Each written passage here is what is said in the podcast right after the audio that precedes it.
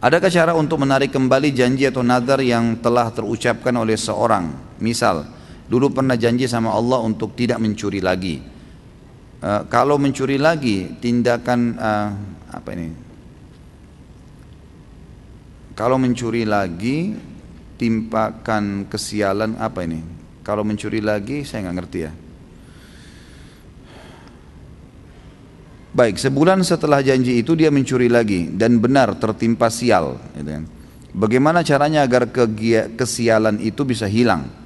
Saya tidak tahu ya yang dimaksud kesialan ini seperti apa. Tapi yang jelas kalau dalam bahasa agama kita al jaza min jinsil amal kata Nabi SAW. Balasan akan datang sesuai dengan kadar perbuatan seseorang. Gitu kan?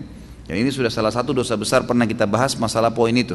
Balasan akan datang sesuai dengan kadar perbuatan seseorang. Tapi saya tidak ingat urutannya. Yang jelas panjang lebar saya jelaskan waktu itu. Kalau kita menggibah, kita akan digibah. Kalau kita mencuri, kita akan dicuri kan gitu. Itu umumnya. Jadi jangan heran setelah antum taubat pun tiba-tiba kita digibah. Coba muhasabah, mungkin dulu sebelum mengenal sunnah masih sering menggibah orang. Maka ini efek jerahnya gitu kan. Udahlah pembersihan dosa sabarin aja. Ya sudahlah.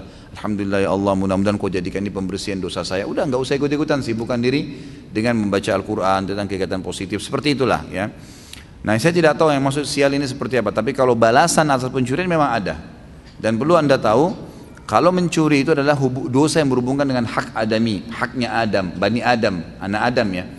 Kalau ini harus dengan taubat dan mengembalikan haknya orang yang diambil barangnya. Gitu kan.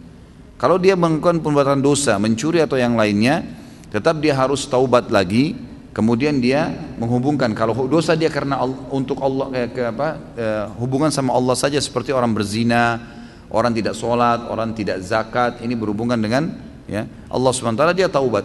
Dia taubat cukup insya Allah. Taubat nasuha dengan tiga syaratnya meninggalkan dosa itu seketika menyesal dan tidak berjanji sama Allah tidak akan mengulanginya.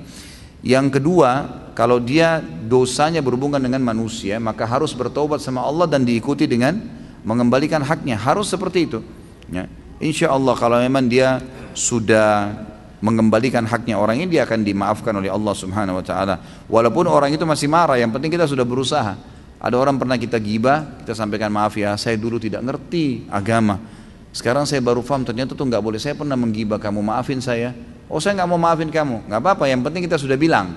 Yang penting tulus meminta maaf walaupun dia belum maafkan insya Allah sudah diampuni oleh Allah SWT asal kita tulus Cuma yang jadi masalah kalau kita belum menyampaikan maaf karena dia masih punya hak secara hukum agama.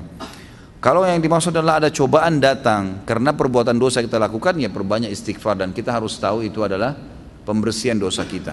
Kalau yang dimaksud sial ini mungkin ada sesuatu yang menimpa dia merupakan cobaan, insya Allah akan terangkat, akan terangkat setelah dia taubat nasuha.